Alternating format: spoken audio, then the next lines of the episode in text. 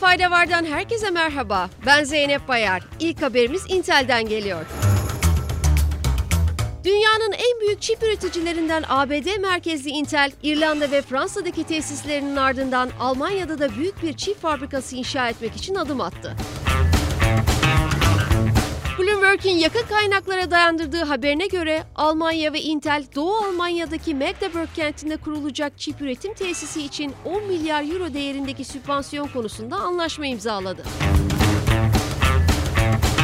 Söz konusu kaynaklara göre şu anda üzerinde anlaşmaya varılan genişletilmiş paket hem mali sübvansiyonlar şeklindeki geleneksel yardımı hem de enerji fiyat tavanlarını içerecek.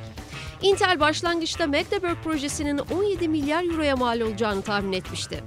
Ancak yeni hesaplamalara göre projenin 30 milyar euroya mal olmasının beklendiği aktarıldı. Meta'dan yapay zeka alanında bir hamle geldi. Hemen haberin detaylarına geçiyoruz. Facebook ve Instagram'ın çatı kuruluşu Meta yeni üretken yapay zeka modelini duyurdu. VoiceBox ismindeki yapay zekanın ses düzenleme ve örnekleme gibi konuşma oluşturma görevlerini yerine getirme becerisiyle tasarlandığı belirtildi. Bu teknolojinin konuşamayan insanlara ya da aynı dili konuşamasalar bile insanların birbirleriyle otantik bir şekilde konuşmalarına izin vereceğini açıklayan şirket, henüz modelin piyasaya sürülemeyecek kadar büyük riskler barındırdığını kaydetti.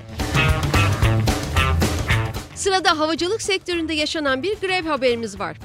İspanya'da Air Europa Havayolu şirketinin pilotları maaş artışı taleplerinde anlaşma sağlanamamasından dolayı 2 Temmuz'a kadar greve gitme kararı aldı.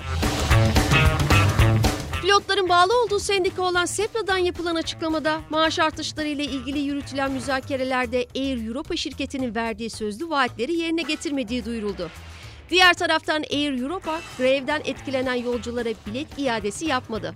Bunun yerine yolculara aynı hat üzerinden 30 gün içinde bilet değişikliği sunuldu. ABD Başkanı Joe Biden, iklim değişikliği nedeniyle meydana gelen deniz seviyesinin yükselmesi, taşkınlıklar ve fırtınalardan olumsuz etkilenen kıyı topluluklarına bu sorunlarla mücadele edebilmeleri için 600 milyon dolarlık fon sağlayacaklarını açıkladı. Sıra Biden, Enerji Bakanlığı'nın iklim değişikliğinin neden olduğu olumsuz hava koşullarında hasar görmemeleri amacıyla elektrik şebekelerinin modernizasyonu için de 2 milyar dolardan fazla yatırım duyuracaklarını bildirdi. Bundan iki yıl önce ülkeler Covid-19 aşısı satın alabilmek için sıraya girmişti. Şimdi ise durum farklı bir yere evrildi. Belçika'nın Covid-19 aşıları hakkında verdiği karar ile veda ediyoruz. Belçika Federal Hükümeti'nin elinde bulunan 6 milyon doz Covid-19 aşısının artık etkili olmadığı gerekçesiyle imha edileceği bildirildi. İlk geliştirilenlerle kıyaslanınca virüsün omikron alt varyantlarına karşı geliştirilen aşıların daha etkili olduğunu vurgulayan Sağlık Bakanlığı bu nedenle ellerindeki ilk aşıları en kısa sürede imha edeceklerini açıkladı.